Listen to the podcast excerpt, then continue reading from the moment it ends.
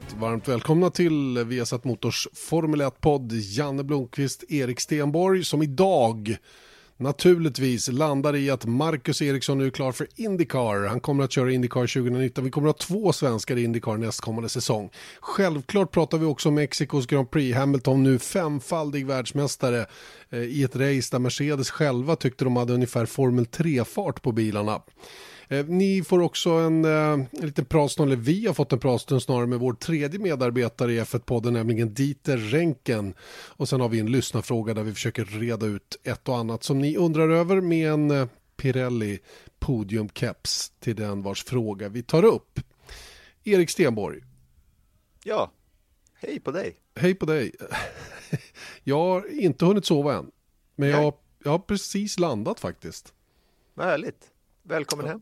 Ja, tack så mycket. Det var, eh, ja, men det var gött. Det var gött att komma hem. Du, du, att få dra in den här kalla luften när jag kom hem, det kändes bra efter en vecka i Mexico City, det kan jag säga. Den kalla, friska svenska höstluften, den gjorde mig gott kan jag säga. Eh, de här dagarna i Mexiko eh, med den smog och avgaserna och allt det där. Det är superfint inne på arenan och, och, och Mexiko har garanterat eh, massa mysiga kvarter och så vidare. Men jag har inte riktigt hittat dem ännu. Mår ni bra i magen? Det är väl det All, alldeles utmärkt. Du har ju smakat på äh, vad heter han? Tutankhamons äh, vrede där. inte Tutankhamon, den heter något Montezumas. Montezuma, just det. Ja. Så heter han. Den behöver vi inte prata om, men det var, det var lite jobbigt där när jag ja. var där. Men ja, det löste sig. Vi gick till och med på en restaurang utanför hotellet. What? Japp. Vi knatade iväg, jag tror att vi gick säkert 100 meter. Oj, ja, men vi, vi hittade en superfin italiensk restaurang. Det var riktigt bra. Riktigt bra var det. Tacos. Toto or tacos. Toto or tacos. Ja, det var en rolig liten enkät vi gjorde under helgen också. Du, det, vi ska inte dra på det här så himla mycket. Jag tycker vi kastar oss rakt in i det här roliga beskedet då. Det är roligt besked. Vi tappar ju Marcus Eriksson i Formel 1, men jag tycker ändå att det är roligt att han går till Indycar eh, och blir eh, en av två svenskar som kör det mästerskapet nästa säsong. Ja, Marcus Eriksson, det blev ju en, en rätt så intressant eh, mexikansk Grand Prix för din del, men eh, nu börjar nästa kapitel i karriären. Ja, precis. Eh, nej, men först och främst var det ett riktigt bra eh, race för mig i Mexiko. En, en bra helg överlag med starkt kval och sen tycker jag ett av mina bästa race i F1-karriären i, eh, eh i, i, racet. Då. Så riktigt, riktigt nöjd med det. Och sen som du säger, ett nytt kapitel eh, nästa år som är riktigt, riktigt spännande. Det ska bli sjukt kul med åka över och, och prova Indycar och, och se hur det funkar. Det ska bli skitkul. Ja, det har ju gått rykten ganska länge om att Indycar skulle kunna vara nästa steg så att säga och nu är det alltså klart och eh, det blir med Schmidt Peterson då, teamet som Robert Wickens tävlat för. Och hur känner du för det nu med det som han har varit med om och, och ta över där? Nej men det är såklart jättetråkigt den, den olyckan och, som, som han var med om och den är ju otroligt otäck liksom med, med de skadorna han, han ådrog sig. Eh, men eh, som sagt, för min del så är det ju otroligt kul att få, få en chans i, i Indycar och eh, teamet har varit väldigt på och liksom velat, velat haft mig och pushat hårt för att, för att få mig till, till dem. och, och det, som sagt, för mig så kändes det som att det var den serien jag ville gå till. Det är den bästa serien utanför Formel 1 tycker jag med bäst racing och det är också en serie där det är enhetsbilar så alla kan vara med och vinna. Och det är någonting som jag verkligen, verkligen ser fram emot för att eh, fem år i F1 är fantastiskt men det har varit fem år utan ens en tanke på en vinst eller ett podium. Och få tillbaks den känslan igen, det är något som jag längtar till faktiskt. Hur påläst är du på Indycar då? Dåligt påläst, så jag måste göra lite plugg men jag, eh, Eh, jag kommer spendera så mycket tid jag kan eh, med, teamet och förhoppningsvis göra en del tester över vintern. Eh, sen gäller det att försöka komma in i allt. Jag, är ödmjuk för uppgiften. Det är egentligen bara nya banor för mig förutom Austin. Ny bil, nya motståndare, allt är nytt liksom. Så det gäller att vara ödmjuk för det. Det kommer krävas mycket hårt jobb och lära sig valkörning. Jag menar, det, är en otroligt stor utmaning för min del. Eh, men som sagt, jag har ett bra team. De har varit duktiga och visade ju under året att de kan vara riktigt, riktigt snabba på alla typer av banor. Så det känns som att jag kommer till ett eh, ja, kanske inte ett av de absoluta toppteamen, men precis snäppet under. Eh, och som sagt, de har visat att de kan vara med och vinna race. Så det känns som att jag har bra möjligheter, men det gäller som sagt att jobba stenhårt. Och när sitter du i en Indycar-bil första gången? Förhoppningsvis innan F1-säsongen är slut, men det är lite oklart när, när testerna blir. Det är lite, jag, jag har inte riktigt fattat hur det funkar med testerna där, hur mycket man får göra på egen hand och hur mycket som är officiella och så vidare. Så, så att jag är lite färsk med, med allting än så länge, men förhoppningsvis så snart som möjligt. Och eh, träffa teamet och bekanta sig med dem, det är prioritet nu då? Ja men precis, det är som sagt det är så himla mycket att ta in nu och lära känna mycket nytt folk och, och så vidare. Så jag ska försöka spendera så mycket tid jag kan där. Samtidigt som såklart jag behåller huvudfokus på att avsluta den här F1-säsongen så starkt som jag bara kan är såklart jätte, jätteviktigt. Men sen utöver det så ska jag försöka förbereda inför nästa år. Och ni blir två svenskar i, for, i, i Formel 1, eller säga, i Indycar då. Felix Rosenqvist och du, första gången ni tävlar mot varandra? Nej, det är det inte. För vi har tävlat rätt mycket i gokart eh, när vi var inte, inte gamla. Men, nej, men första gången vi tävlar i, i bil mot varandra och det ska bli skitkul. Eh, Felix är en eh, eh god kille och otroligt duktig förare och det ska bli kul att liksom vara två svenskar där på, eh, på cirkusen där borta i USA och Eh, förhoppningsvis kan vi liksom resa en del ihop och hänga en del utanför banan också då, så det, det känns superkul och eh, ja, det ska bli, ska bli roligt. Blir det flytt över Atlanten nu? Ja, men tanken är att jag ska vara baserad i Indianapolis där, där teamet är baserat då. Eh, men som sagt, det är alltid rätt så färskt så jag måste liksom eh, sätta mig in i allting. Men, men tanken är att vara baserad där, absolut. Marcus Eriksson där alltså om sitt nya äventyr. Vad säger mm. du? Ja, men det, alltså, som du sa precis innan så, så det känns man hade hellre haft kvar honom i Formel 1 såklart men nu när det inte gick så um, känns ju Indycar som faktiskt ett mycket, mycket roligare alternativ än Formel E eller VEC eller någonting sånt där. Trots att mm. vi nu sänder VEC så hade det varit liksom, jag vet inte, jag tycker det känns som ett eh, stanna kvar på hög nivå liksom. Ja, men visst är det så. Jag, jag, måste säga att jag har ju träffat Marcus några gånger sedan det blev klart att han inte skulle köra Formel 1.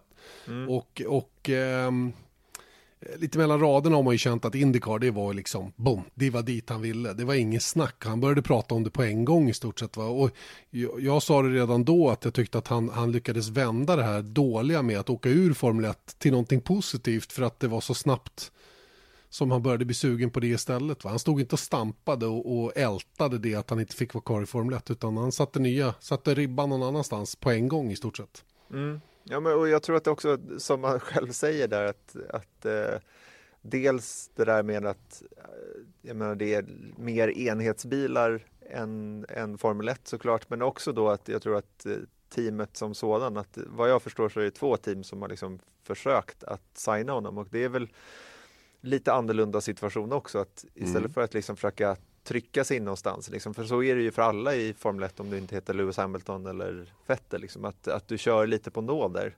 Helt plötsligt så blir man välkomnad på ett sätt och det mm. gäller ju Rosenqvist också. Att liksom, Absolut. Ja, vi måste göra stor skillnad psykologiskt. Ja, men mentalt, ja exakt. Och, och, och, eh, fem år i Formel 1, då står man högt i kurs där borta. Det är viktigt att vi kommer ihåg det på en gång. Så är det bara. Man har en enorm man har en, eh, ett enormt renommé på det viset. Va? Och um, dessutom tycker jag Marcus har kört bra här på slutet också, vilket, vilket naturligtvis hjälper till då i, i, i ett slutskede av en kontraktsförhandling eller vad det nu är. För det här handlar inte om att ha med sig några pengar, det ska vi också vara tydliga med tycker jag. Eh, så som det är väldigt mycket när man ska in i Formel 1, att man måste liksom bidra med 10% till teamets totala budget. Det är inte fallet i den här i den här serien och i den här styrningen då som Marcus uh, har fått nu då med Sam Schmidts team, Schmidt Peterson. Och uh, han ersätter alltså då som vi nämnde då Robert Wickens som håller på att rehabilitera sig efter den där vådliga kraschen uh, tidigare år. Var det på Pocono va? Ja, det var det va? Ja, Pocono var det, den här mm. D-formade banan som de kör Indycar på. Och ja, det är tråkigt det som hände, hände Wickens där. lite kort om teamet, Erik. Ja, det startades eh, av en före detta Indy-förare, Sam Schmidt, eh, som jag tror att han körde i tre år eller någonting sånt där. Han vann något race här och där, eh, men under testning då på Walt Disney Speedway, vilka coola bannamn det är. Liksom. Jag tycker Walt Disney Speedway, att Disney har en ovalbana är ju knäppt, men det är väl bara för att det, den ligger i Orlando. Hur som helst, han kraschade hårt där när de testade och han blev förlamad. Eh, och eh, det ägs då tillsammans med en kille som heter Rick Peterson så det är därför det heter Sam nej, Schmidt Peterson Motorsports heter de då. Just det. Och det, det är ett bra team, men som Marcus Eriksson säger också, det är kanske inte det absoluta toppen. Eh, de har kört i Indycar sedan 2011. De har kört innan också, men då bara sådana här inhopp i Indy 500, för det händer ju ganska ofta där borta. Eh, och de har tagit pallplatser i stort sett varje år. Eh, I fjol vann James Hinchcliffe som är fortfarande kvar i teamet i Iowa och Robert Wickens tog två pallplatser under säsongen, vilket var hans då rookie-säsong eh, i Indycar. Och de båda slutade på tionde respektive elfte plats. I Samma poäng. Samma poäng kanske det var. Ja, till och med det. 391 tror jag de körde ihop. Båda Mm. två, trots att Wickens då inte körde hela säsongen ut då. Mm. Eh, ja, vad ska vi säga mer om det där, det där teamet då? Eh, jag tycker de har varit imponerande också Indy Lights där de har hållit till då innan de tog steget upp i Indycar. Eh, många duktiga namn som har kört i hans team. Eh, lite, jag tycker det är lite, mm, är lite ironiskt också att han själv är skadade så svårt eh, 2000 och nu råkade Robert Wickens ut för samma sak. Eh, Det kom ut lite bilder på Wickens när han försökte slida över på en rullstol då, med sin förlamade underkropp och Sam Schmidt var med under den Eh, på det passet då när, när Wickens höll på och, och nu har han dessutom startat en ny eh, sån här rehabiliteringscenter för skadade förare, säkerligen andra också, men, men framförallt då för förare som råkar illa ut. Så att eh, det, det, vi låter oss, låt oss hoppas nu att det här eh, inte är någon trend så att säga. Nej, nej, och dessutom då apropå det så var det ju Dan Weldon kommer ju de flesta ihåg och han eh, omkom ju 2011 i oktober i Las Vegas och eh, även det var faktiskt i en eh, Sam. Smith-bil ja. en Sam Schmidt-bil. Så att, eh, ja, det är ju lite, det, det är ju en farlig motorsport, det måste man ju säga. Det är ju, jag tror att det är två förare som har dött under 2010-talet i serien och sen så två förare som dog under 2000-talet. Men det är många fler som har skadat sig då ganska illa och det, är- det är ju framförallt på de här ovalerna. Mm. Farterna är det som, eh, det är de farterna som skapar de här situationerna där förarna kan råka väldigt illa ut. Så enkelt är det. Eh, roligare, på den roliga sidan med Indycar är också att vi faktiskt har haft eh, Felix Rosenqvist i sin bil redan. De var på Alabama, eller i Alabama på Barber Motorsport Park. Eh, Igår tror jag körde. Och eh, enligt uppgift så gjorde Felix en väldigt, väldigt imponerande test där teamet koncentrerade sig på att försöka hitta rätt setup då med, med det kommande Aero-paketet och, och ja, försöka bli bättre på, på road courses helt enkelt, vilket de själva tyckte var deras svaga sida under fjolåret. Så att, eh, men, men eh, alla var eh, mycket imponerade av Rosenqvists fart då, för att de körde bägge bilarna då. Eh, och ja, det är lite intressant. Sen hade vi faktiskt några Indycar-bilar också som körde på Kota. Mm. Kände på det. Eh, där har det inte läckt ut några varvtider så vitt jag har sett ännu. Jag tror inte de vill släppa dem riktigt. För det kommer att vara ganska mycket långsammare än Formel 1-bilarna där. Mm. Men det är inte samma grej där. Det är, liksom, det, det är en helt annan. Jag tycker inte man ska jämföra varvtider på det sättet. Så, Men det blir ofrånkomligt. Va? Man har ju hört det där många, hur mycket långsammare, det är, hur fort går en Indycar-bil jämfört med en Formel 1-bil? Och då, då har man försökt förklara det, att det är helt, två helt olika eh, filosofier på racerbilar överhuvudtaget. Så att, eh, som sagt, jämför inte. Nej. Men det, det som eh, känns lite kul apropå intervjun då med Marcus Eriksson att det är ganska det har väl gått ganska fort där och eh, jag tänker bara på jag lyssnade på vad heter han, Pruitt. Det finns någon kille, en journalist då, som, ehm, just det, Scott Marshall, Pruitt. Marshall, Ja, Marshall Pruitt ja. Ja. Han har gjort en podcast och så lyssnade jag på en intervju med Felix där eh, som är rolig. Liksom, Felix är ju en skön dude Mm, överlag. Verkligen, verkligen. Men han är så sjukt påläst också att han har ju liksom Han har kört Indy Lights och han har ju haft kontakt då med Ganassi och liksom Indycar har uppenbarligen varit en, liksom, en verklig möjlighet för honom under de senaste åren. ja, Vilket, men, så att han har ju sjukt koll liksom på, Mm. på serien medan Marcus då han bara, "Ah, jag vet inte riktigt hur de testar och eh, ja, vi får se lite att han har mycket att läsa, läsa på där alltså för att eh, vara med i matchen. Det, det har han utan tvekan. En sak som Felix också har är ju att han jobbar ihop med Stefan Johansson som har kört där borta mycket. Så det är klart att de har, de har satt sig in i det på ett annat sätt då. Nu eh, Mm. var inte riktigt det här fokus för Marcus Eriksson för den sista, de sista 30 dagarna kanske. Mm, någonting Så sånt. det, Så, det gör det väl lite annorlunda. Då. Men det, det ska bli jätte, jättekul och som jag påpekade i intervjun också, det är första gången de kör mot varandra. Nej, det är inte alls det som Marcus. Vi körde när vi körde gokart när de var typ eh, 11 och ett halvt eller något, inte vet jag. Men det räknas inte en- enligt mig. nej, jag tycker att det, det är preskriberat. Exakt. De har alltså aldrig tävlat mot varandra i bil. Nej. Och det ska bli lite kul faktiskt att se, eh, se de här två mot varandra. Det, ju, det blir ju utan tvekan och det blir ofrånkomligt en, en, ehm, en rivalitet där. Det blir ju det när man har två högprofilerade svenska racerförare som ska köra mot varandra i samma mästerskap. Och dessutom är, är det ju ett mästerskap där det är hyfsat likvärdiga förutsättningar också. Ja visst, sen så är det ju såklart att det är inte, inte för inte som Ganassi-teamet har liksom det, det är ju Ganassi, A- Och Andretti och, Penske. Penske. Det är de som är de tre stora. Sen så har ju de, eh, jag menar det, det är ju ingen garanti att de ska vinna alla race så som det är i Formel 1 med de tre toppteamen för det är en annan situation där. Men, men jag tror ändå att eh, det finns en del som talar för Rosenqvist där. Visst, Eh, i, i, i, åtminstone liksom här och nu när man, när man hoppas det. Men, men det är såklart, det är mycket att lära för båda och framförallt på de här ovalerna. Det är där de behöver liksom, det har de ju aldrig kört. Ja, Felix har gjort det i Indy Lights, men liksom det är en stor eh, grej alltså att, att köra de där bilarna i 400 km i timmen. Liksom. Visst är det så. Och, eh, vi pratade lite grann, Marcus och jag, om det också. Han sa att det här det blir nog lite grann som att gå tillbaka till GP2 igen. Alltså, man har aldrig någon bra bil. Utan man har lite så halvrutten känsla hela tiden. Man måste försöka vara så nära bra som möjligt. Va? I Formel 1 är allting så precis, det är så kirurgiskt. Va? Det kommer det inte vara i Indycar och så var det ju heller aldrig i GP2. Så det är rätt stor skillnad och det, jag vet inte vem det passar bäst och så vidare. Marcus kommer från en väldigt snabb formelbil in i Indycar. Felix kommer ju från ett annat håll. Och hans eh, första kommentar själv var ju att han tyckte det var toppen att sitta i en kraftfull formelbil igen. En riktig pulvermaskin liksom. Det tyckte han var toppen. Han kommer sova gott på det länge. Mm. Till slut då, vi kan väl konstatera då att eh, Felix har Scott Dixon som teamkamrat medan Marcus då kommer ha en kille som heter James Hinchcliffe, en 31-åring från Ontario i Kanada. Han blev Rookie of the Year 2011 och har hittills i karriären tagit sex vinster, 12 pallplatser och en pole position. Och med det så går vi faktiskt över eh, på Formel 1. För det är en Formel 1-podd trots allt. Ja, Känns rimligt. Och eh, vi, eh, ja det kommer ju lite grann i skymundan, men det är ju så, man, är- man är ju är hemmablind. Men eh, vi fick ju faktiskt en världsmästare i söndags eh, i Lewis Hamilton som nu är uppe på fem titlar. Eh, men grejen är att det har inte spruttat till i kroppen riktigt den här femte titeln tycker jag för Lewis Hamilton eftersom den har varit klar så pass länge nu, några race. Även om den blev eh, även i praktiken klar nu då, i Mexiko.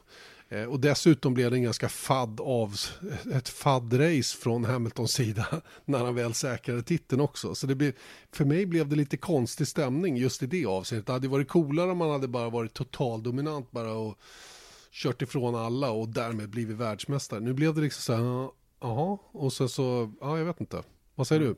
Nej, men jag, jag förstår, det blev lite ljummet. Och ärligt talat så tycker jag att när man såg eh, Hamilton i intervju efteråt så sa jag han att så här, jag vet inte riktigt vad jag ska säga. Alltså, när han kom till den mixade zonen där efter eh, racet och bara, ja, men det, det är liksom, det var inte sån här jubel över radion. Det var ju liksom stor kontrast på när Ricardo tog pole dagen innan när han bara vrålar och är gladare än någonsin. Och sen så får ju Hamilton på radion bara säga ah, five time world champion. Han bara Mm. oh, thanks guys. Du vet så, här, så. Det blev liksom, jag vet inte. Ja, men han sa ju det själv. It's a weird feeling standing here, sa han ju till, till David Coulthard när han parkerat bilen och klivit ur. Det, det var ett horrible race, som han själv Mm. sa. Samtidigt som han blir världsmästare i Formel 1 för femte gången, vilket är en sån fantastisk prestation i Mm. sig.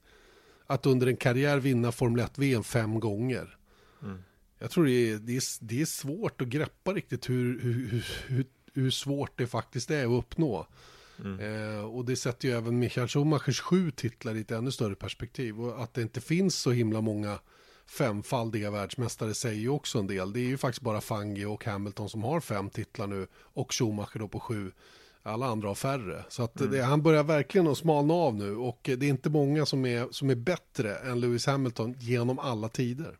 Nej, de, man kallar ju det i USA för GOATS, alltså greatest of all time. Mm. Och eh, den diskussionen har dykt upp lite grann och eh, jag tyckte faktiskt att Jacques Villeneuve uttryckte det, eller eh, hade ett perspektiv på det som eh, var lite intressant. För han sa under Mexikohelgen då att nej, han tycker att Hamilton är bättre.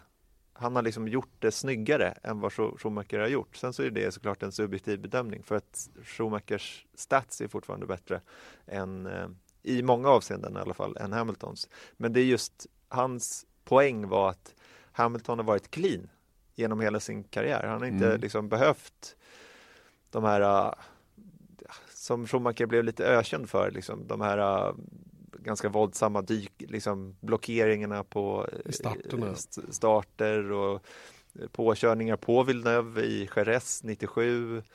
Eh, du vet, han har Österrike 2001. Alltså det, finns, det finns en hel del att ta av vad gäller eh, Schumacher och jag tror att Hamilton kanske inte är helt clean i det Nej. avseendet heller. Han har väl gjort sina grejer men det är inte alls lika top of mind. Nej, verkligen inte. Det är inga grava grejer som Hamilton har gjort om man har gjort dem. Eh, det var ju tufft spel mellan honom och Rosberg där 2016 till exempel. Det var tufft spel i debutsäsongen eh, mot Alonso 2007. Det är klart att han kan spelet.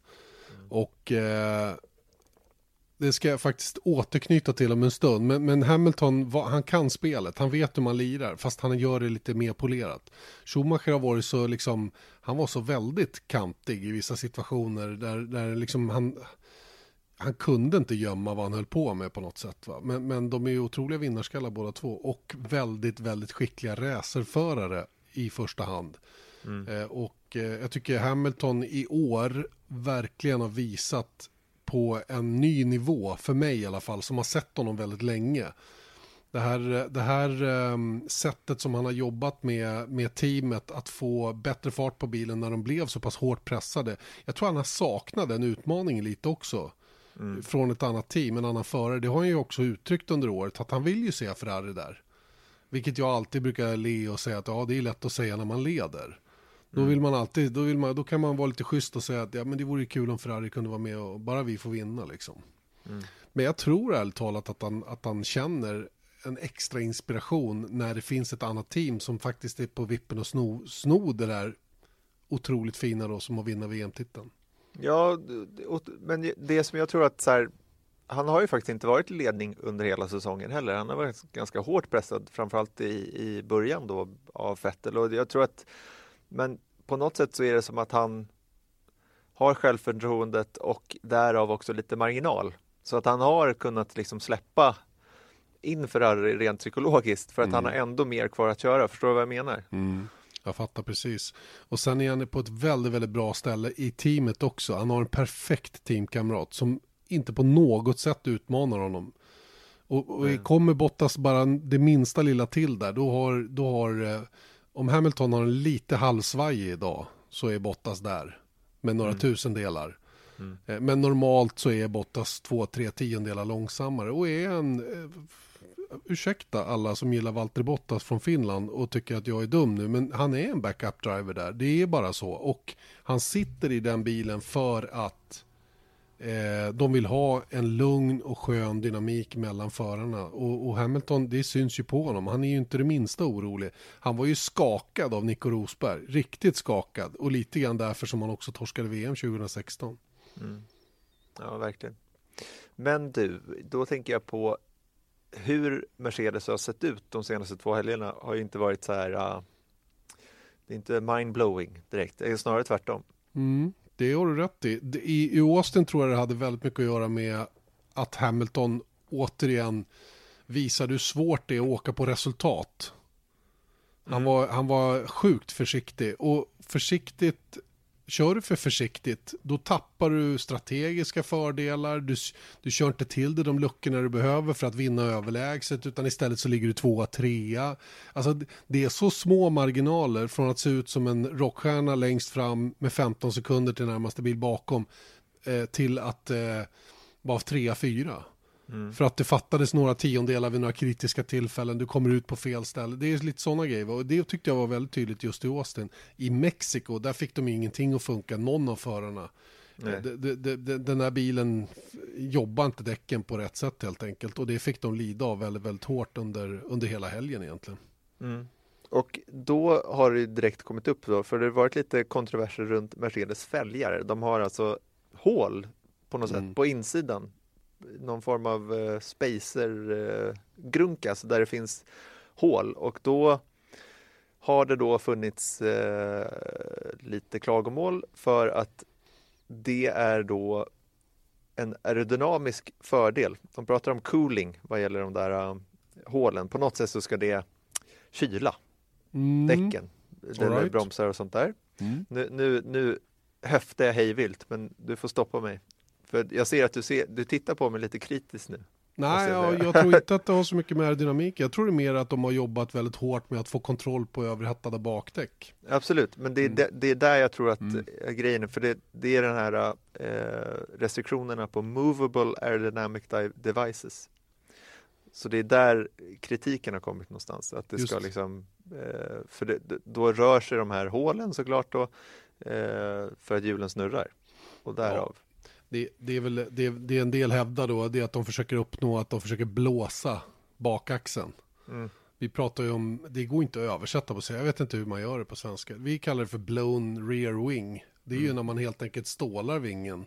Mm. Tar, bort, tar bort dess funktion i vissa farter eller under vissa förutsättningar för att få en högre topphastighet eller vad det nu är. Och då skulle då, eh, man har ju jobbat med det även när det gäller framfälgarna framför allt. Mm. För där leder man in luft genom luftintagen till bromsarna och sen ska den luften då genom hjulet och så ut utanför. Och det, och det kan man accelerera ut den luften, ja då får man lite aerodynamisk fördel av det. Och det där var det ju också lite surr om tidigare. Nu är det ju bakfälgarna som det handlar om för Mercedes. Och om jag har förstått det hela rätt så handlar det nog mer om att kontrollera överhettningen av bakdäcken. Ja, och det är där då som de har valt att inte köra med de här äh, fälgarna i både Austin och i Mexiko för de, och det är det här som är lite rörigt tycker jag, för de har ju fått eh, alla teamen går in och söker liksom clarifications, alltså klargöranden från FAI. Hur ser ni på det här? Och det var ju samma sak med Haas med deras golv då eh, tidigare eller alla team, när de kommer på någonting nytt så, så ska de då säkerställa att det här är legalt och de har fått ett jakande svar från FAA men har ändå valt att inte köra de här då för att de är rädda att de ska få protester från Ferrari. Mm. Men och eh, till min poäng då så kan man ju undra då eftersom de har haft det jobbigt med däcken. Sen så tror jag faktiskt att det har med andra anledningar att göra. Men de har haft det jobbigt med däcken de senaste två helgerna och sackat efter när de då inte haft de här fälgarna. Men det har då tillbakavisats åt det grövsta från Toto Wolf som säger att ja, men, i Mexiko var det problem med framdäcken, det var inte bakdäcken och där är inte det här in play så att säga. Nej, och i, och i, Austin vet vi att han hade 50 kilos fel på, Precis. på, på um, uh, vikt, vikt, ja. ja. precis, viktfördelningen mellan, mellan höger och vänster bakhjul. Vilket naturligtvis inte hjälper heller då för att de var tvungna att byta en vattenpump just innan start. Så att, nej, men det har varit lite struligt de här två senaste helgerna. Och, eh, men det var ju skitsamma. Han hade ju en så pass marginal, Lewis Hamilton. Han, han kunde segla hem det där. Och eh, det som blev det som blev tråkigt är ju när, när toppbilarna hade två, nästan tre varv på övriga fältet. Åtminstone två varv på övriga fältet. Då det blir, men, men jag tror inte man, man får skylla det på massor med omständigheter. De tävlar ju på olika villkor. Mittfältet tävlar ju inte mot dem där framme. De försöker ju inte ens köra som de gör. Det går liksom inte. Va? De hade nog kunnat vara närmare. Va? Men, men nu väljer man ju istället att ta andra strategier.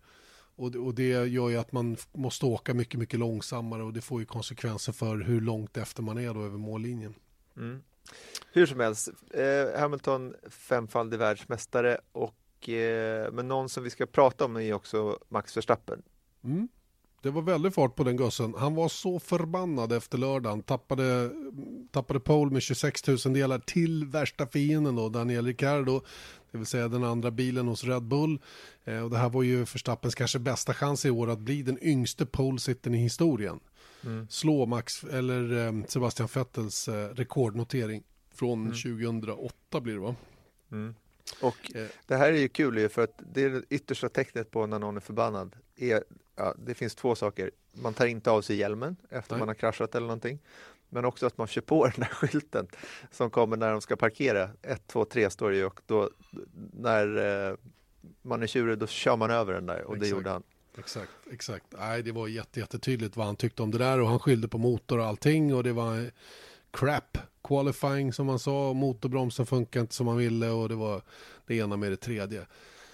Jag tror bara att han inte fick till det där varvet. Så enkelt var det. Ricardo plockade fram någonting som ingen riktigt hade sett tidigare va? och så bara boom, tog han hand om den där pole. Men Verstappen revanscherar sig och det grövsta dagen efter. Vilken start han gör och vilken dålig start Ricardo gör. Och det var lite intressant för bara några timmar innan så hade Marcus sagt till mig att eh, det finns statistik på hur snabba de är av linjen, alla förarna. Och eh, det har tydligen visat sig att Ricardo har varit dålig att starta hela året.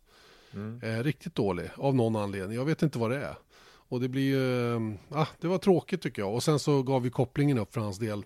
Eh, vilket verkar vara en svaghet på motorpaketet också, motorväxellåda, drivlinan. Eh, just kopplingen då hos Red Bull då, som har gett upp inte bara en gång den här säsongen. Nu senast blev det då för, för Ricardo. Förstappen var ju oslagbar i år igen. Mm. Eh, Det var ingen som hade någon chans. Han kunde ju bara bevaka vad Ferrari och Vettel försökte göra och det fanns ingenting att... Att de, de hade, det var ingen som kunde svara på Verstappens fart helt enkelt. Nej. Jag tycker det är intressant då bara hur, det här var alltså Ricciardos åttonde DNF den här Mm. säsongen. Och det är lite den där, vi har pratat om det flera gånger, men när man liksom bytte jobb någonstans, att man liksom, nu har ju Ricciardo kä- kämpat på, han tog ju pole position trots allt, men Mm. jag tycker ändå att liksom, nu är han less, han är klar med den här säsongen och det säger han ju liksom efteråt, han, han såg nästan liksom gråtig ut, alltså i mixzone, han var så less och Mm. frustrerad. Och när han till och med säger så att nej men jag bryr mig inte om den här bilen längre, Gasly kan få köra den istället. Eh, Tänk om det blir så. Ja men ärligt talat, Nej, jag tänkte jag så här, wow. sjukskriver med de två sista helgerna. Ni får ta skiten. Kör.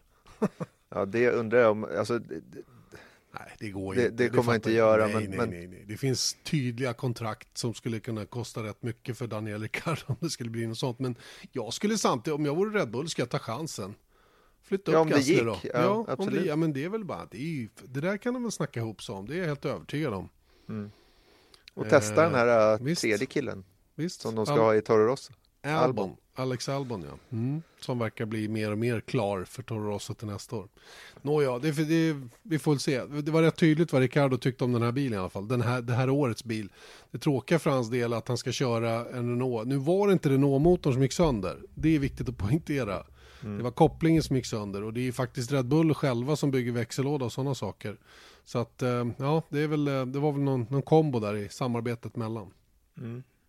Ja, samtidigt så tycker jag att här, nu ser ju inte, apropå Renault då, de är ju nästan klara på fjärdeplatsen. Visst, de når inte upp till de där tre toppteamen, men, men eh, de har ju verkligen hittat sprutt i sina grejer. Ja.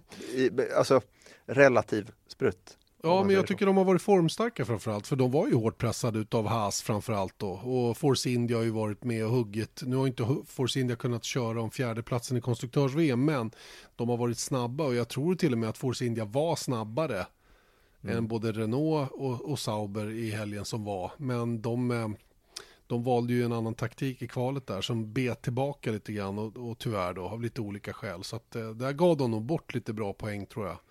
Force India med, med att inte försöka ta bästa möjliga startposition för de hade bra fart i den här bilen och de behöver ju inte fundera på Ferrari, Mercedes eller Red Bull. De ska bara fokusera på vad Renault, Sauber och kanske något mer team gör. Så därför så kan jag tycka att det var lite skumt att de gjorde som de gjorde. Ja, de var så bergsäkra på det ja, också. precis. Va? Och det, det, det, hade varit, jag menar, det hade ju varit riskfritt egentligen att göra som Renault och Sauber. Mm. För då hade de åtminstone varit på samma strategi och haft banposition. Mm. Så att, eh, ja. Eh, Men, men som du säger, de, de verkar ju vara klara nu. Vad leder de med? S- 30 poäng va? Konstruktörs-VM. Någonting sånt, jag har faktiskt Mm. inte siffrorna Nej, framför mig. Och eh, jag tror att Hülkenberg har 12 poäng också på Perez.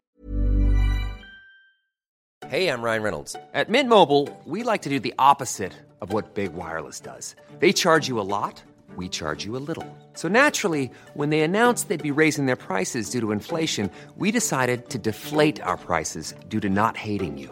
That's right. We're cutting the price of Mint Unlimited from $30 a month to just $15 a month. Give it a try at mintmobile.com slash switch. $45 upfront for three months plus taxes and fees. Promo rate for new customers for limited time. Unlimited more than 40 gigabytes per month. Slows. Full terms at mintmobile.com. I förra-VM. Va? Så att, jag tror att det där avgjordes faktiskt i Mexiko. Om Mm. jag ska vara riktigt ärlig. Mm. Fettel då, eh, värdig förlorare? Ja, kanske han är. Det är jag vet inte. Eh, visst, han är, går ju runt och, och är liksom respektfull mot, mot Lewis Hamilton efteråt. Men jag tror att den här torsken i år, den svider. För han vet hur mycket han själv har ställt till med. Mm. Och han säger ju nu i fler och fler intervjuer att han, han, han menar nog att det här har nog varit hans tuffaste F1-säsong hittills i karriären. Mm. Ja, jag kan köpa det. Mm. Jag tycker också, eh, för, jag menar, att ha det materialet i händerna och, och inte få ut mer av det, det, det tycker inte jag är speciellt bra. Jag skulle inte sätta ett betyg högre än kanske en sexa på honom för hela året. Nej. Sex, Nej. möjligen sju alltså. Eh, Mera blir det inte för, för det total, den totala prestationen under 2018. Nej. Nej, men jag tror också att det är sån där, för vissa säsonger, du vet första året där med, som han körde med Ricardo 2014 och han blev slagen. Mm. Men då var de ju liksom inte en, ens i närheten. Nej. Alltså sett som, det hade varit ännu värre då om de hade varit med och slagit som om VM-titeln. Men då var de liksom, de var ändå ingenstans då och så blev man slagen och det är klart att det är jobbigt. Men nu, nu hade han ju faktiskt under stora delar av säsongen ett riktigt, riktigt bra läge att vinna sin femte VM-titel. Och det som sjabblar bort det och då, då jag köper det du sa fullt ut, att jag, eller det han sa fullt ut, att det, att det är det, den jobbigaste. Mm. Ja, jag, jag är riktigt kass, kass säsong. Eh, får man ändå säga. Och, och Kass tycker- höst skulle jag Kass säga. höst ja. ja, men det, det blir ju ändå en säsong totalt sett som, som, man, som man ser på det. Då. Men, och jag tycker inte teamet överlag har varit konstiga med märkliga beslut titt, titt som tätt också. Och, och jag vet att det är många Räikkönen-fans som tycker att, att, eh, att teamet, teamet bara jobbar för en förare. Och jag tar, tar upp den frågan nu eftersom vi ska landa i något liknande alldeles strax här. Och eh, hur, eh, hur det kan bli. Mm. Eh, för det, har ju varit, jag jag, det är ju omöjligt att svara på om det är så att Kim, för jag tycker nämligen att Kimi själv har satt sig i den situationen. Att det inte har liksom prioritet. Eh, och då, då blir det ju så, då kör man för är på något sätt. Och, och det, är ju, det är ju nästan ännu viktigare när man kommer upp och kör om VM-titeln. Mm. Och jag måste, jag, jag, där, är, där, där måste jag säga, där har ju Ferrari gjort rätt så att säga va. Som har satsat på Vettel, för det är ändå han som har levererat. Nu skiljer ju för sig inte så jättemycket poäng mellan, mellan Kimi och eh, i Vettel i förar-VM längre. Men det var ju eh, över 100 poäng ett tag. Mm. Var är du på väg? Jag är inte riktigt... Jo då, jag kommer till det vi var med om i söndags, i Sauber. Mm. För där kan man ju verkligen snacka om att teamet valde att satsa på en häst. Mm. Det blev väldigt tydligt efter racet. En mycket, mycket irriterad Marcus Eriksson var otroligt eh, tydlig med att han hade blivit offrad av teamet strategiskt. Eh, I ett läge faktiskt där han hade kunnat, det hade kunnat vara omvänt förhållande mellan Leclerc och Eriksson i mål. Eh, De här extra varven efter att Leclerc hade varit inne för sitt, eh, eller efter att, eh, ja efter att Leclerc hade varit inne och lagt på nya däck. Eriksson fick ligga fyra varv till. Eh, Och hans uppgift var tydlig från teamet. Sänk farten, släpp inte förbi någon. Se till att du håller hela gänget bakom för att vi måste få iväg Leclerc. Det var supertydligt från teamet. Och Eriksson, det tråkiga för Marcus var att han hade ju redan innan Leclerc gick in ropat på radion ett antal gånger. Jag måste in, jag måste in. Och de var inte intresserade av det. För att eh, det hade ju betytt att han hade ju undercuttat Leclerc och varit före. Så att, eh, och det, det, det, ville man inte vara med om. Eh, inte bara det heller. Vi, det är ju liksom, visst det handlar ju om hur många, många varv man kunde köra på nästa set däck också. Men, men det blev ganska tydligt här att, att um, det var Leclerc som man körde för. Och han hade ju också banposition. Och han har eh, genom hela säsongen tagit fler poäng, han har varit snabbare, bla bla bla. Det finns massa sådana faktorer som gör att han har den situationen internt i teamet också. Och det är lite det som jag menar i likhetstecknet med det vi ser i Ferrari också mellan Vettel och Räikkönen. Mm. Ja, för att jag kan verkligen förstå Marcus Erikssons frustration runt det här. Självklart. Men jag kan någonstans också, jag menar, det är lite, man har satt sig i den situationen där också.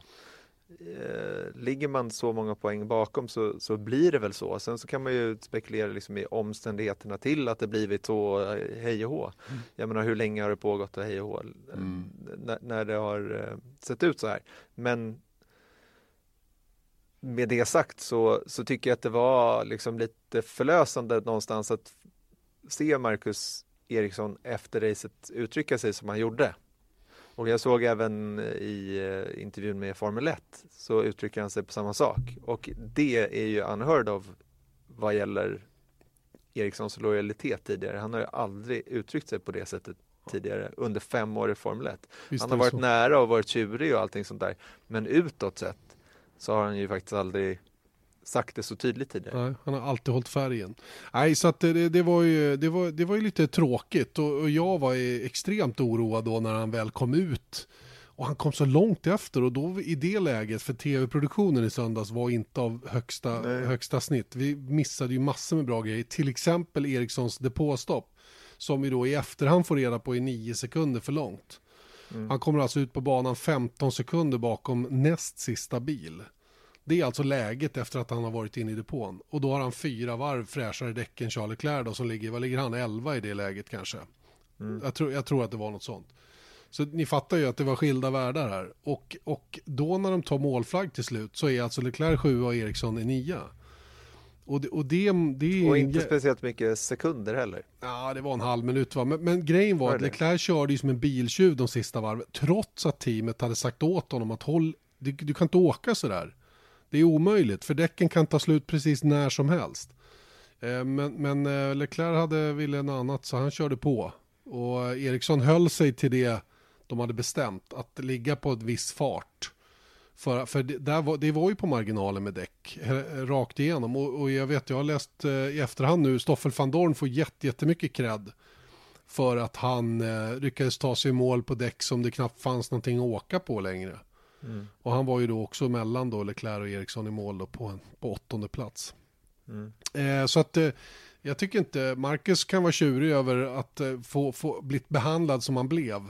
Men, men jag tycker han ska vara jäkla nöjd med resultatet och eh, jag hoppas att alla utanför nu förstår också hur bra det här var. För att eh, det, det, var verkligen himla bra. Jag tycker hela helgen var bra. Jag menar, han hängde bra med i kvalet. Jag menar, det, det, det, det var överlag, att kvala in topp 10 i det här startfältet, det är väl, det är väl hur bra som helst. Ja, verkligen. Sen fanns det omständigt i det också, men det gör ja, det alltid. Ja, självklart. Det var ju kanske en tolfte plats som var mer ärligt då. Men oavsett det så, så, är det ju, man ska ju köra om det. Och när inte Force India ville köra om det, ja då blev det topp 10 i kvalet mm. också. Bättre än 18 som det var i USA.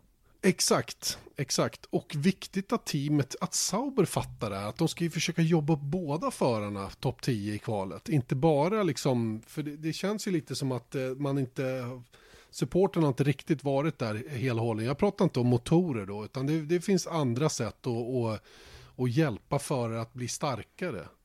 Eh, och, och, prestera, för det här är ju otroligt viktiga VM-poäng att köra om. Mm. Så är det. Ska vi eh, eh koppla in vår eh Ja. Tredje förare, Dieter Renken. Exakt, vi tar in bänken. Mm. Bänken Renken. Vi tar in från bänken Dieter Renken. Dieter Renken, we're sitting here in uh, Mexico City having an Indian drummer outside the, the motorhome where we are sitting at the moment. Uh, do you like Mexico? You like coming here? Well, first of all, um, Jana, I've got to say that the Mexican promoters do an absolutely fantastic job of promoting their race. If you have a look at this Fiesta uh, evening we had on Thursday. You know, it was really, really good stuff. If you go into the, the centre block of the paddock, they have that barber shop, which is part of the Movember moustache movement, you know, the, the cancer awareness campaign. They've got the taco bar, they've got the ice cream bar, they've got the Heineken bar, they've got, you know, all sorts of things. They really go out of their way. On Wednesday, they took us up to the, the castle on the hill. They gave us uh, historic insights. Um, they've got dinners. I mean, they honestly try, and I, I can't help but compare the race to, for example, Brazil. Very similar in character and culture, the two countries. The circuits are both in major cities, etc. Yet in Brazil, you get the feeling that they don't actually want us there. Whereas here they embrace us with open arms, and it's, Us, it's a when you wonderful say experience us, it's media or is generally, it the general? generally, Yeah. yeah. Formula One. You know, if you have a look at the security issues in Brazil, Yeah. you would have thought the promoter would do something about making us feel safe. He doesn't, right? No, no. Or certainly he didn't to date. Last year we had big wake-up calls. Let's hope that he does something this year.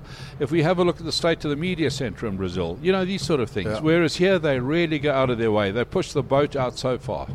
But um, for me, it's when you're here in Mexico with all the traffic and all that. It's my, my brain doesn't cope with everything that I need to process. Of course, but still, I think that the, the traffic here is, is easier to manage than, say, Sao Paulo. Yeah. You know, I mean, of course, it's a massive city. It's a, it's a metropolis of 24 million people. You're going to have traffic jams, Yeah, of course. sure. But equally, if you've got 24 million people, you're going to fill the grandstands. Yeah. And this place is full. You know, tomorrow come race, it's going to be full. Yeah, and and if you talk at the drivers, everyone really appreciates the the atmosphere, and when you come into the arena, the hair on the arms is standing right up on them, and they Well- really like it. Of course, and if you have a look outside these in these in these glass cabinets, what they call your breeches, which are the, the sort of fantasy animal interpretations of the drivers. Again, you know, somebody had to think of this and go to the effort and trouble of, of commissioning the artists to do them.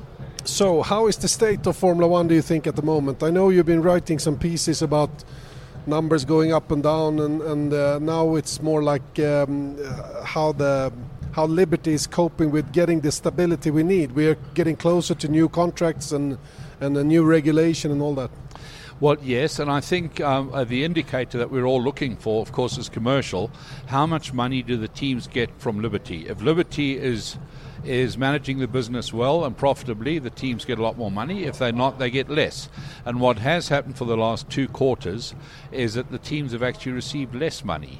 Um, and this, of course, is very, very worrying, which has led the team owners and team managers and team principals to get together and. Um, and sit down without Liberty and sit down without the FIA and talk about how to spice up Formula One because the more it's spiced up, obviously, the more money comes in.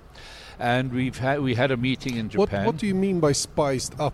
If you say that spicing up is getting more money, Well, Formula One's demographic, its audience is getting older. It's not appealing to the younger audience as much as Formula One would like it to. The TV numbers have been dropping, as we know. There are various reasons for that. For example, you know, the move to paper, pay-per-view television or pay TV, whichever form it takes, means that there are less eyeballs. So this affects the team's income from two perspectives. One is, of course, that if there are less viewers, um, we don't know whether Liberty is still pulling in the same amount of money, which means that the team share is smaller.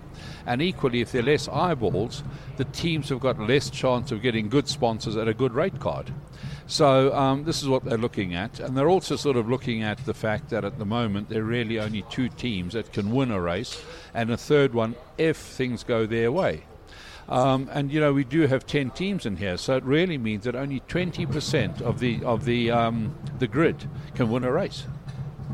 So, um, if we if we look at what is going to happen, do you think with with the with the championship, with Formula One in general, is we are we going to get the stability we need? Well, I think that first of all, it depends on how well and successfully Liberty are able to build up relationships with the teams, the team owners, the um, race promoters, the TV broadcasters. You know, one thing that did happen is that over a, a period of about 50 years, Bernie Eccleston built up these relationships. And um, he got to a stage where he'd pick up the phone. He was on first name terms with presidents of countries, uh, the chairman of a broadcasting company, the mayor of a city, etc.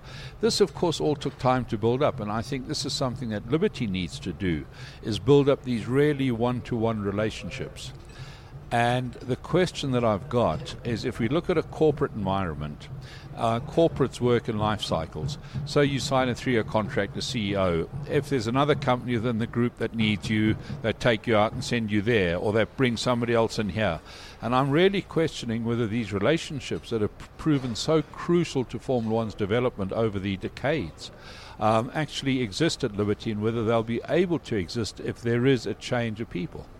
So, if we talk about Chase Carey, for instance, he, his his period as ahead of, of this operation is not going to last forever? Well, Chase Carey is a hired hand. Uh, he's a corporate career man. He turned 65 on the 22nd of November, so less than three, less than a month's time. Um, you have to ask yourself how much longer he'd like to do the job. It's not as though he owns the company or controls the company the way that Bernie Eccleston did, for example, or the way that, say, Rupert Murdoch uh, does. You know, uh, Chase is a hired hand Yeah. at a very high level, admittedly. And at some stage, he's going to say, well, you know, I'm grandchildren or whatever f- domestic and family commitments there are. The same applies to Ross Braun. Yeah. You know, Ross turns 65 next year. Again, at some stage, you question how much longer will they do it for something that doesn't belong to them. And you think that's not good for the for these kind of one-to-one relationships you were talking about? Well, I think it becomes a lot more difficult to build them up. And, um, you know, Liberty is at the moment learning the business.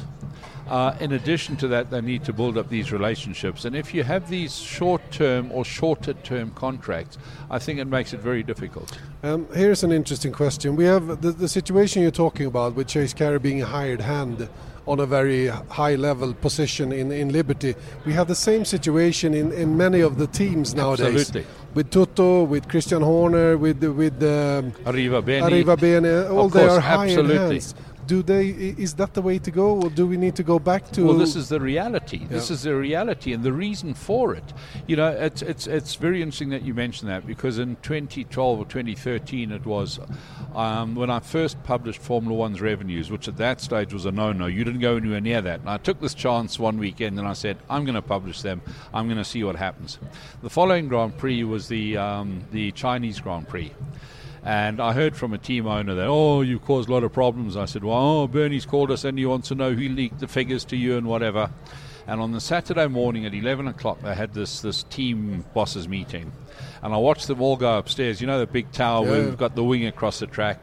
And I watched them all go up, and then um, I waited for them all to come down. And suddenly it struck me that of all the people in that meeting, not one actually owned the business they were representing. Not Bernie, not the team bosses or team principals who were there. And in fact, the strangest was, of course, that the person who owned the highest uh, uh, share interest in a business was Monisha Kaltenborn, who owned 33% of Sauber at that stage. All the others had either no shares or less than that.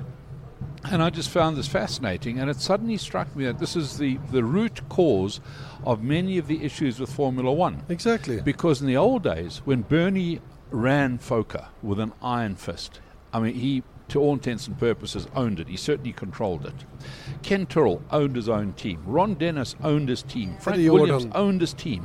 They'd sit down, they'd have a meeting, and they'd take a decision, and it was binding. Yeah. Now it's well, you know, we I've got to I've got to feed it back to Dietrich, or um, let me see what the Daimler board says about it, or you know, maybe I've got to go and talk to Mr. Camilleri about it, Yeah, or but let- whatever. let's say these guys have big bonuses for doing good results. They won't give away anything of their advantage they have. Of course and not. and we have a problem with Formula One today with the regulations, and everyone seems to know how to fix it, but no one does. Absolutely. Because if you are Mercedes and you're winning, you're not going to give away that advantage, even though you should, because it's good for the championship. But there is another element to this, and that is that the reason why Formula One had this team owner structure was because what had happened was that the team owners actually came up through lower level formula. So Frank Williams started off in you know Formula 3 team and then he built his way up. Eddie Jordan when he started his had a Formula 3 team, then a Formula 3000 team, then he moved into Formula 1.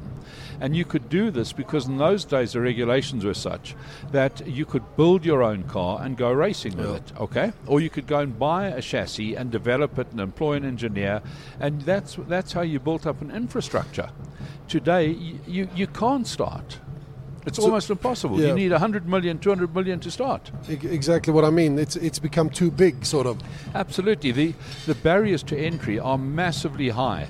And even if they talk about reducing them, you know, they, they may reduce them from 150 million to 100 million.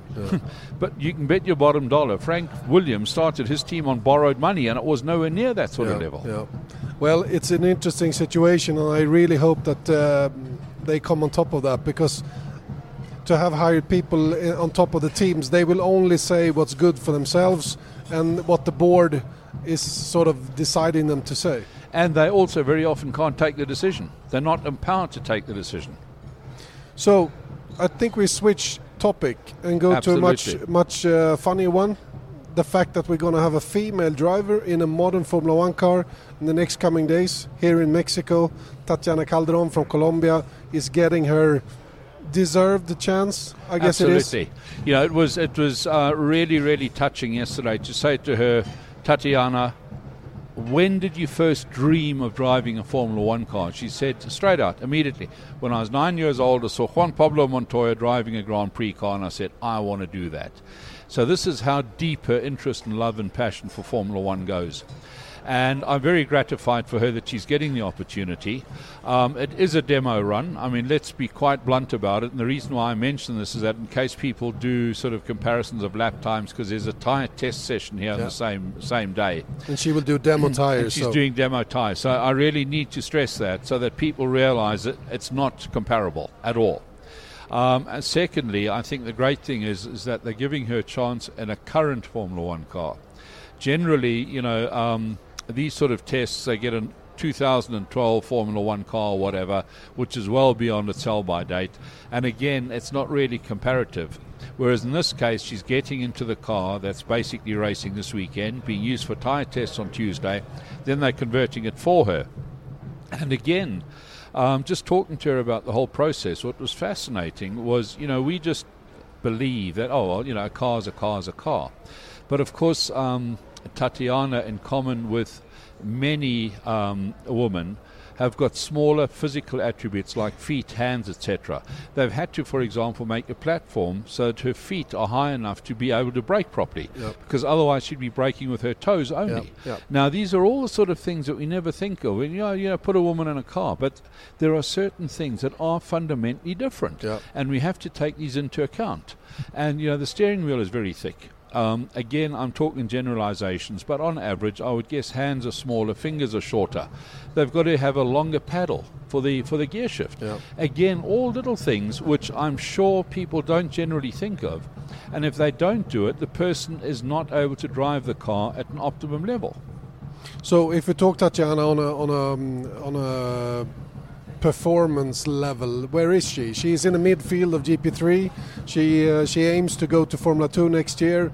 Uh, she's ready for this test. We have seen a lot of guys doing tests in in her sort of range of career. Uh, this is about time, I think. Correct. I think what's interesting is that she raced at the time of Max Verstappen in junior formula. She didn't disgrace herself. Um, she is, as you say, midfield GP3, but GP3 is a very competitive championship, and there are an awful lot of people in that. And you know, uh, uh, by the nature of it, you have to be running around. Somebody's got to be running around the midfield. Um, again, we don't know the car's optimized for her. Um, does she deserve to be given the test? Yes.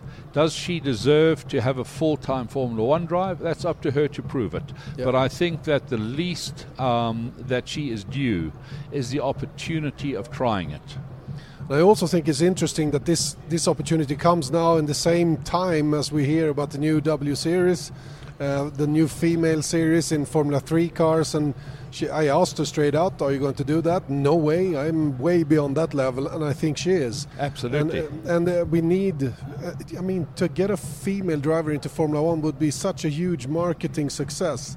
So I'm surprised that no one had tried earlier. But I mean, it's good for Formula One also. It's is this a thing that could uh, be good for for the interest of the sport? Do you think? You know, you say that um, from a marketing perspective, it would be very successful, but there have been, you know, more than just a few women who try to get in. And it's very, very difficult to try and build a marketing campaign around a woman in what is unfortunately a male dominated sport. Very, very difficult. And you know, you can you can imagine going along to a company and saying, um, you know, we, we've got a woman driver. Would you like to sponsor her? This is the product that you do. It's obviously got a, a feminine orientation. Could we do that? And they say, well, is she going to win? Because they don't want their product running around the back. And of course, in Formula One, there's no guarantee that No. you'll win, right? And the other thing is that if they don't win, you get these idiotic jokes, but they do happen. Oh, well, yeah, spot the woman driver. All you need is one act, spot the woman driver. You know, that sort of stuff. So it is a very sensitive area which has got to be managed carefully. if it's managed properly, I can see um, a massive potential for a woman in Formula One, but it's got to be managed carefully. Coming back to your question about W Series, I've got a fundamental problem with W Series, and that is very simply the fact that, first of all, they will probably be diluting whatever commercial pot there is because you now need 20 cars with feminine products on them, right? Yeah. I mean, Yeah. you're hardly going to have sort of beer swilling type products on the side of these cars. So they'll be aiming the, the uh, commercial um, thrust very much at woman orientated commercial products. So it's already proven difficult to find enough for one woman. What about 20, Yeah. right? So there's that to it. The second one is that they are saying that, you know, the, the, the champion, they'll try and build her up to Formula One but there'll be no benchmark. They're running um, uh, Formula 3 cars, but they'll be using a downgraded power unit, which means that let's assume the, the Formula 3 championship runs at Silverstone, for want of a better circuit.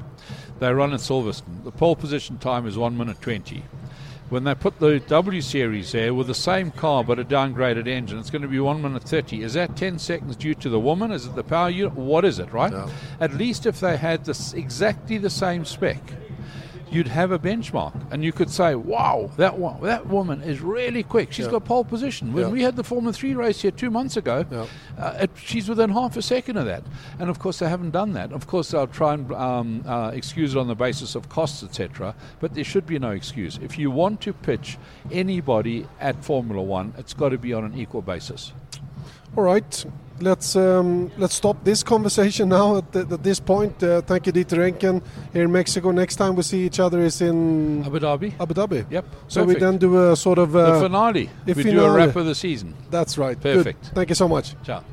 Just det, Dieter Enken ja, som eh, alltid är intressant att prata med honom, har mycket åsikter om eh, både ditten och datten, gillade framförallt att vara i Mexiko, han hade precis rakt motsatt uppfattning som jag.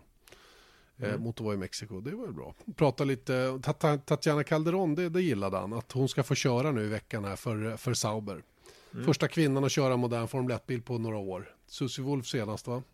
Mm. Så var det.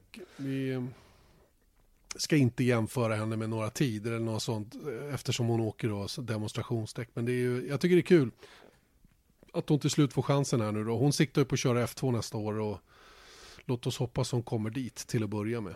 Mm. Nej, men det är väl lite, liksom, även om det är, det är en showrun, men varför inte, säger jag. Alltså, Nej, precis, jag håller med. Jag håller med. Och det, det, det, det, är liksom, det är det här som behövs, inte kanske ett kvinnligt mästerskap i första hand. va? Har du ändrat åsikt? Nej då, men jag tror ändå att det är, det är bra om tjejerna är med och, och racea på hög nivå. Det är jättebra med ett tjejmästerskap också för att hitta de tjejerna som sen ska köra de här köra de lite snabbare bilarna så småningom. Mm. Ja. Som sagt, kul att höra Dieter, han kommer tillbaka i senare poddar. Men Abu hörru, Dhabi, i Abu Ja. Dhabi. Abu Dhabi, Mm. då är jag där också. Då Bra. blir allting mycket Oh. eh, bra uppstyrt, måste jag säga. Antagligen. Vi får se, kanske. Man vet aldrig. Nej, exakt. Men du, nu är det dags för en lyssnarfråga. Lyssnarfrågan presenteras av Pirelli. Pirelli. Power is nothing without control. Så är det. Lyssna-frågan som lyder hur? Det är en eh, person som heter David Vindlycke, vilket efternamn. Oh, Eh, han frågar så här, hur lika är Red Bull och Toro Rosso-bilarna? Hur mycket eh, på bilen i form av chassi och arrow och sådana lösningar är samma eller liknande?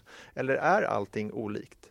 Nu får de ju samma motor här under 2019. Hur stor, stor skillnad blir det på bilarna till 2019 då? Och jag anar att det är rätt stora budgetskillnader mellan stallen även om det är samma bolag i grunden. Vore intressant att få en liten utläggning om detta. Och det ska- vi försöka göra. Oh ja, vi är fantastiskt bra på att lägga ut texten. Mm. Eh, för det första, det finns inga likheter, alltså raka likheter mellan chassi och aero på Toro Rosson jämfört med Red Bull. Det är inte tillåtet nämligen. Nej. Alla de aerodynamiska ytorna plus chassit måste vara av e- egenritat så att säga utav den specifika konstruktören. Det är, det är liksom numero uno i alltihopa, i hela upplägget med Formel 1. Och när man Eh. pratar om DNA i Formel 1 så är det ju här en viktig del, för det är därför det finns ett konstruktörsmästerskap. det må finnas eh, konstruktörsmästerskap eller teammästerskap i andra serier också, men just här är det ju heligt på det sättet. Exakt. Att alla team ska konstruera sina egna bilar. Just det. Och vi, vi har ju fler exempel i, i, i startfältet då på hur man jobbar med det här då för att, eh, för att så kostnadseffektivt som möjligt få ihop en snabb Formel 1-bil. Eh, och då pratar vi om motorväxellåda, brukar ju ofta hänga ihop. Och på växellådan sitter även hjulupphängningen. Eh, där har vi Sauber till exempel som köper allt, hela baken, allt bakom föraren kommer från Ferrari. Mm. När vi pratar om det hårdvaran, inte de aerodynamiska detaljerna. Eh, kanske, ja, jag tror inte ens att, eh, att eh, luftintagen till bromsar och sånt kommer från Nej. Ferrari, utan det måste de tillverka själva. Så, så att egentligen är det svaret på din fråga David, att det är inte så himla mycket som är lika på Red Bull Toro Rosso när det gäller just aero och chassi. Däremot så allt man kan dela på så att säga, det tror jag att de redan gör eller kommer att göra framför allt. Så att, ehm, och det är ju precis så som Haas jobbar med Ferrari. De köper ju allt de kan av Ferrari. Sen så ritar de en bil och låter Dalara bygga den. Mm. Tillverka. I Haas fall ja. ja. Och sen har vi Sauber då som gör sin egen, sitt eget chassi. De har ju sin egen tillverkning och alltihopa. Och sen så köper de då eh, bakänden ifrån Ferrari. Mm. Och det som man får dela då är ju då eh, hela motorpaketet, alltså mm, motor, växellåda, eh, hydraulik, elektronik eh, och sen så då bakre hjulupphängningar. Och sen så är det ju också, att då, det här har Frans Tost, då, teamchefen för Toro Rosso, sagt att just de har ju kört med lik, eller samma motorer tidigare. Senast var ju förra året när båda körde med Renault eh, motorer.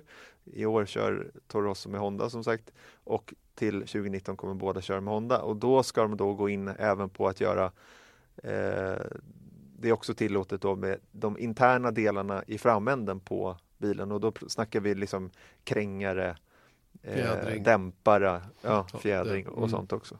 Mm. Så, det, så det är det de gör. Sen så är det klart att samarbetet mellan de här teamen, jag menar ser till vad, vad Toro Rosso har gjort kanske den senaste halvan av eh, säsongen, det är ju att testa och få och komma eh, överens med den här Honda motorpaketet som då Toro Rosso ska, eller Red Bull ska använda nästa år. Så det är klart att där finns det ju enorma eh, informationsutbyten hur det här oh ja. fungerar. Oh ja. Med kylning och allting sånt där, hur man ska bygga saker. Sen är det ju en annan sak som Red Bull och Toro Rosso kan utnyttja på ett annat sätt eh, än något av de andra teamen som har så kallade slavteam då, eller, eller systerteam, kalla det vad du vill. Eh, det är ju faktiskt att, om tittar på hur de jobbar med, med Toro Rosso just nu, när Red Bull ska köra Honda-motor nästa år, de använder ju dem, bara ta fram nya motorer hela tiden. Vet, när startade Gasly på samma position som han har kvalat egentligen senast? Det är bra länge sedan. Mm. Och, och, det, och, det, blir ju liksom, de kan ju använda Toro Rosso som testteam för mm. de här hårdvarudelarna som de själv ska använda till nästa år på Red Bull-bilen. Så det, det, finns ju många finesser med att ha två team som Red Bull har, även om det kostar väldigt, väldigt mycket pengar.